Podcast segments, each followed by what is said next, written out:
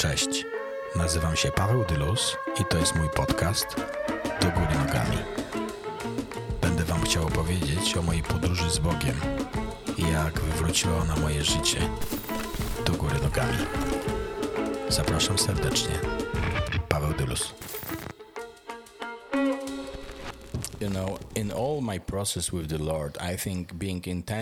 Wiesz, w całym moim procesie z Bogiem myślę, że bycie intencjonalnym jest wielką sprawą.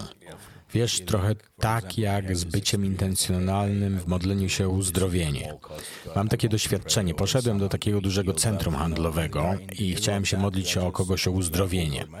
Ale wiesz, kiedy jesteś w środku tego miejsca, jest po prostu to przytłaczające.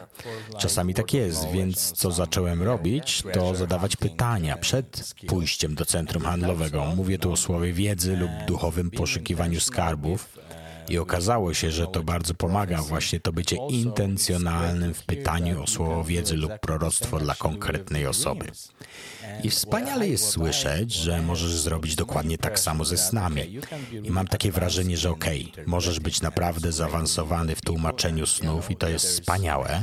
Potrzebujemy tych ludzi, którzy potrafią to robić i ty wiesz, że to jest niesamowite. Ale to, co czuję, to to, że łaska Pana Boga chwili, w której jesteś, On ci w tej chwili da ludzi do interpretacji lub sam da ci tą interpretację przez jakieś wydarzenia, które znasz lub coś, co może zaczniesz czytać, może zaczniesz patrzeć na górę i nagle stwierdzisz, wow, okej, okay, to jest to, co widziałem we śnie. Moim zdaniem to jest niesamowite z Panem Bogiem, że jest autorem i dokończycielem tego wszystkiego.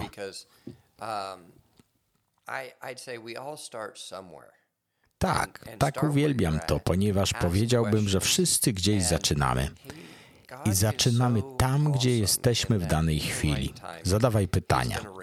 Bóg jest tak niesamowity, że we właściwym czasie przypomni nam, że poruszy coś podobnego do tego, co mówisz.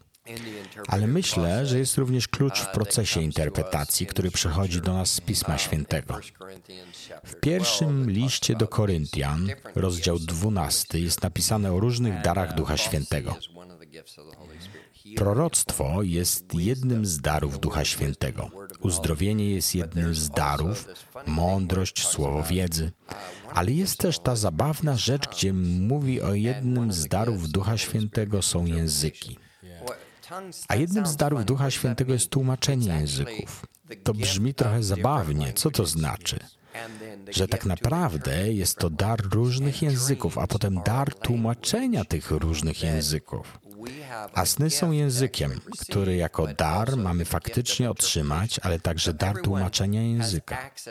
Więc każdy ma dostęp do daru, jeśli ma relację z Duchem Świętym.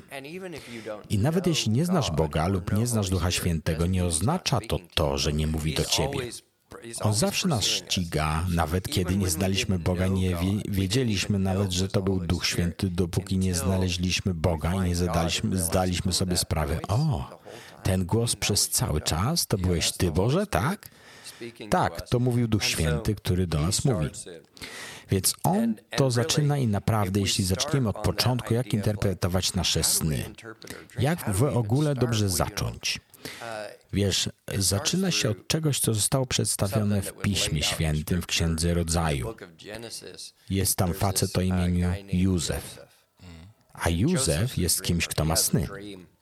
Kiedy jest młody, wpędza go w bardzo wiele kłopotów, ale ma te swoje sny, że będzie rządził swoimi braćmi, ojcem, matką i tą całą ekipą i miał przez to ciężkie życie. I w pewnym momencie wylądował w więzieniu, tak? Więc ten facet jest w więzieniu i wiesz, nie wydaje się, żeby jego sny miały się spełnić. I są w więzieniu razem z Józefem, powiernik pucharu dla króla i piekarz króla. Oni obaj mają sny i wiedzą, że one są ważne. I skarżą się Józefowi, mamy taki a taki sen, ale nie ma nikogo, kto mógłby zinterpretować nasze sny. A Józef mówi im coś, co moim zdaniem jest naprawdę początkiem dla interpretacji.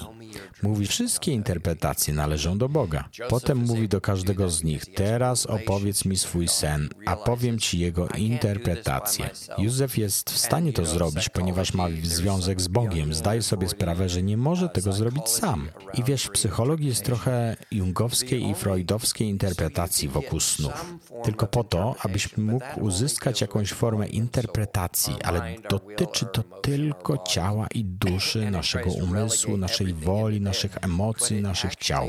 I ta psychologia próbuje zepchnąć tam wszystko, ale tak naprawdę nie szanuje faktu, że jesteśmy istotami duchowymi.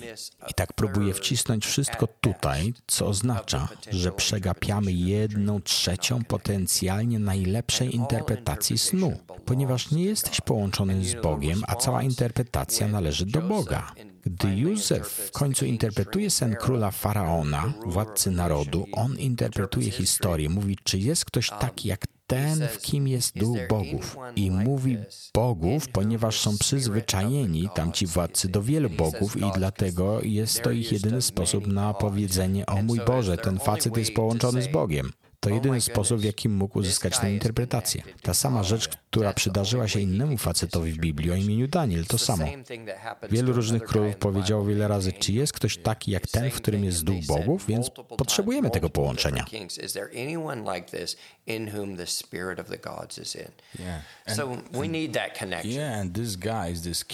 Tak, i ci faceci właściwie ci królowie nie byli wierzącymi, co jest niesamowite, po prostu widzieli, widzieli w nich działanie Boga. Uh, ben, you are in this environment from the beginning, battle environment. Yeah. Ben, jesteś w tym środowisku od początku, środowisku kościoła Bethel. I to była długa podróż dla ciebie. Mam dwa pytania. Mam pytanie dotyczące twojej książki. Mam nadzieję, że pewnego dnia będzie w Polsce. Prorokujemy, że ta książka pewnego dnia będzie w Polsce. Więc czy możesz nam coś o tym powiedzieć, ponieważ jest to bardzo interesująca pozycja, rodzaj dziennika tak naprawdę. Powiedziałbym, że jednym z naszych celów na, w tym całym procesie było to, w jaki sposób zapewniamy ludziom zasoby, w jaki sposób możemy ich zabrać w tę podróż i jak stworzyć to dbanie o zasoby duchowe i zarządzanie nimi, o czym już mówiliśmy. Opracowaliśmy model dla interpretacji snów oraz cały dziennik, który nie jest tylko dziennikiem, nie jest tylko stronami w dzienniku, w którym zapisujesz swoje sny. Jest to w rzeczywistości cały proces mapowania interpretacji Twojego snu. Więc tak, jest miejsce do prowadzenia dziennika, ale mówimy tam o czterech różnych typach snów, czterech soczewkach interpretacji i ten dziennik macie przeprowadzić przez to. Także przeprowadzicie przez proces ustalania, co jest głównym celem, kto lub co jest głównym celem Twojego snu, jakie są poboczne ścieżki snu, jak interpretować te różne poboczne ścieżki, czy to jest dosłowne, czy to jest symboliczne. Wszystkie te rzeczy są w dzienniku snów. Plus są codzienne opisy.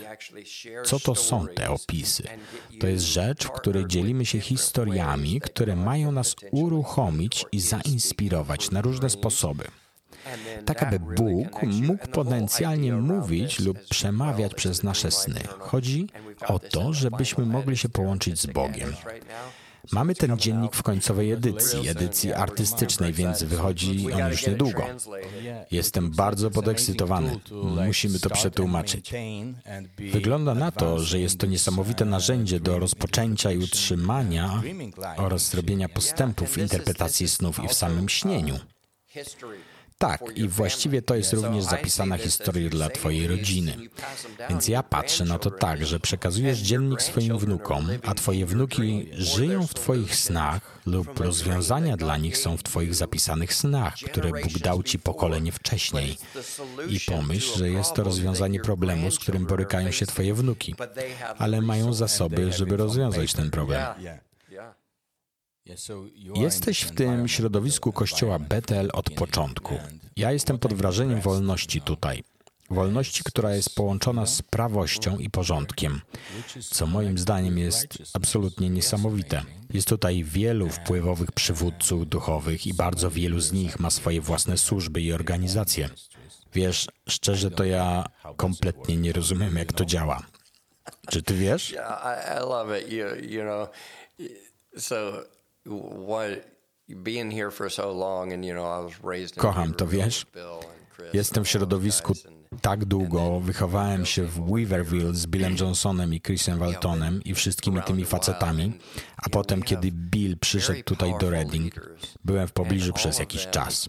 Mamy bardzo mocnych i wpływowych przywódców i wszyscy z nich e, mamy takie powiedzenie.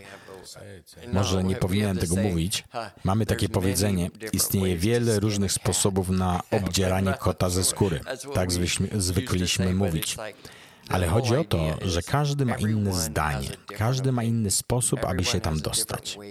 Myślę, że jednym z powodów, ze względu na które trzymamy się razem, to to, że Bóg może wygrać za pomocą każdej ręki.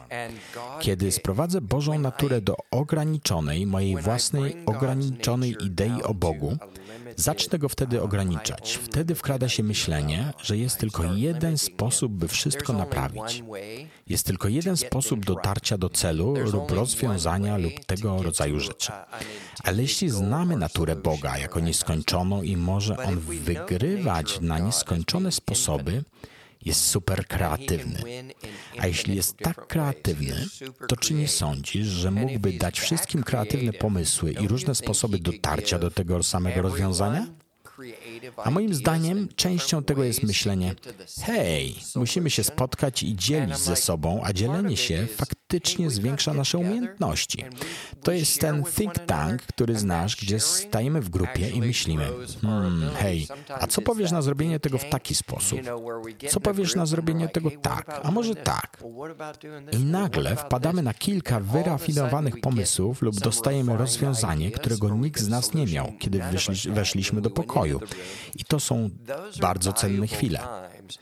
Ale jeśli utknę w takim czymś, w przypadku, w porządku, możemy to zrobić, ale tylko po swojemu lub w ten sposób, to faktycznie ograniczamy naturę Boga lub Jego zdolność do zajmowania dla nas miejsc. Więc chcemy wnieść naszą wielkość do pokoju. Chcemy wnieść nasze opinie do pokoju. Ale w pewnym sensie rozwinęliśmy tę rzecz, że nie zawsze musi to być po mojemu. I myślę, że to kwestia zaufania, to także kwestia tożsamości. Czasami po prostu nie chcemy tego robić inaczej niż po swojemu, ponieważ jestem ograniczony we własnej tożsamości. Czuję, że jestem niewystarczający. Więc jeśli ludzie nie zrobią tego po mojemu, może to uderzy w moje przywództwo. Może ludzie nie będą już za mną podążać. I myślę, że najwięksi liderzy w pokoju to ci, którzy są w stanie powiedzieć: To jest świetny pomysł, zamierzam to zrealizować. A ja nawet na to nie wpadłem. I nie muszę przypisywać sobie za to zasług, ponieważ wiesz, że wyjątkową rzeczą jest to, że będąc liderem, im bardziej dajesz ludziom siłę do działania w środowisku i zaczynają się dzieć rzeczy, Wciąż jestem za to chwalony. O mój Boże, to jest najlepszy przywódca, ponieważ pozwolił mi się zrealizować.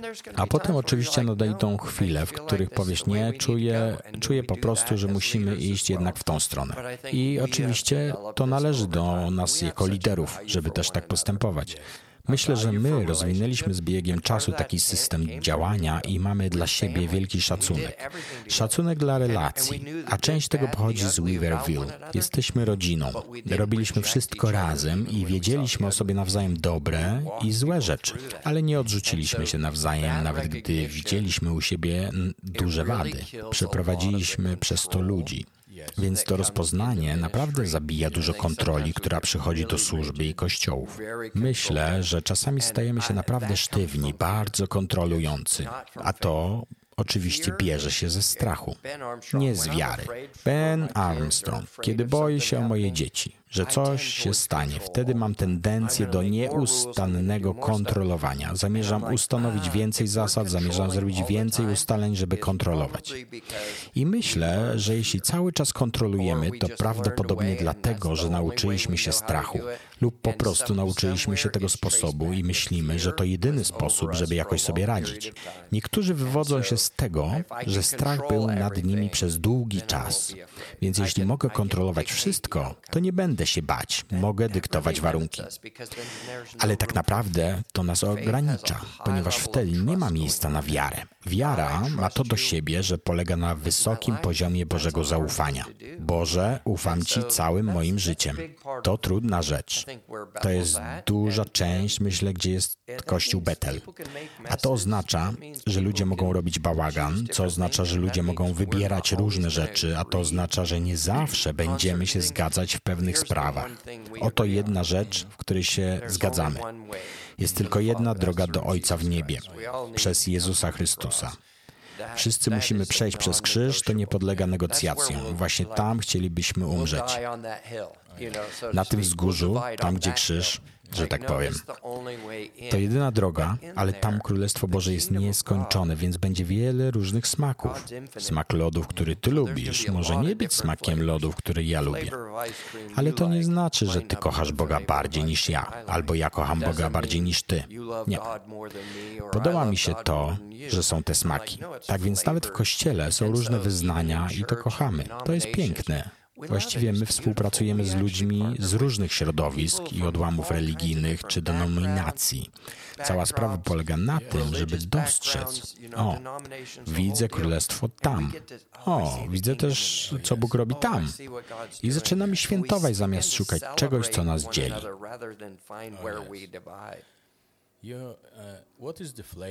A jaki jest smak polski? Jaki jest duchowy smak polski? Cóż, ja myślę, że jednym z duchowych smaków Polski jest odporność. To jest ta rzecz. Zobacz, że ilekroć stawiacie jako Polska czoła różnego rodzaju próbom, historia Polski pokazuje, że została ona wielokrotnie okradana z tożsamości. I dlatego myślę, że jest to naród strategiczny.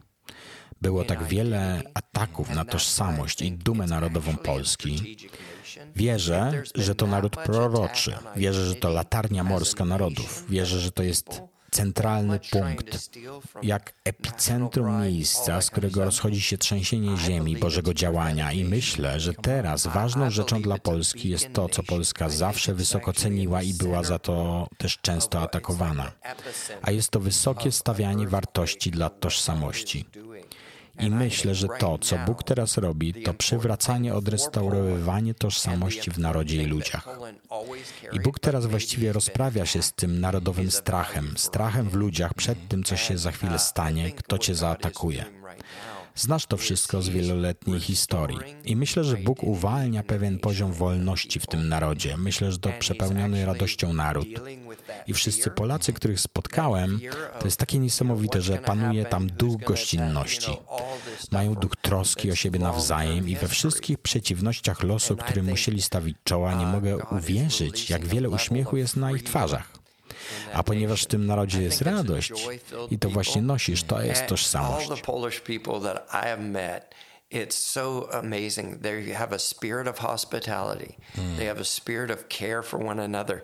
And in all of the adversity that they've faced, I can't believe how many smiles are on people's oh, faces. Oh, come on, I love it. And and as there's joy in that nation, yeah. that's what you carry. That's an identity. I agree on that. Absolutely. Zgadzam się z tym absolutnie. Byłeś w Polsce po raz pierwszy w zeszłym roku, a w tym roku, w październiku, masz konferencję z Chuckiem Perrym w Kościele Ducha Świętego u Tomka i Joanny Kmiecik w Częstochowie. Wszyscy powinniście przyjść. Ja bardzo bym chciał przyjść, ale mam nadzieję, że będę tutaj w Reading w tym czasie na drugim roku szkoły Bethel. Ben, to był naprawdę wielki zaszczyt mieć Cię tutaj. Naprawdę bardzo, bardzo Ci dziękuję. Thank you. To był Ben Armstrong e, z Bethel Church. E, ja nazywam się Paweł Dylus i to był mój podcast Do Góry Nogami.